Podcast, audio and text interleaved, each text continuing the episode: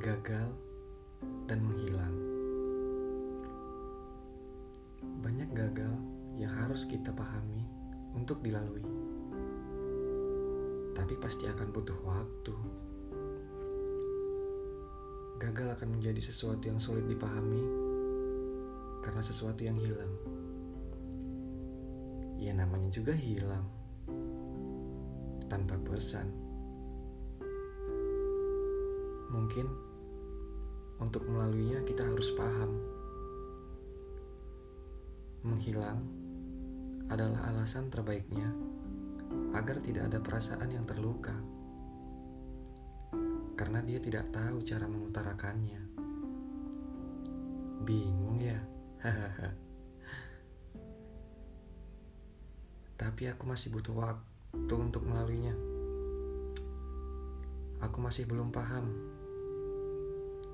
Introspeksi diriku masih terlalu sebentar. Tetap baik-baik saja ya. Salam.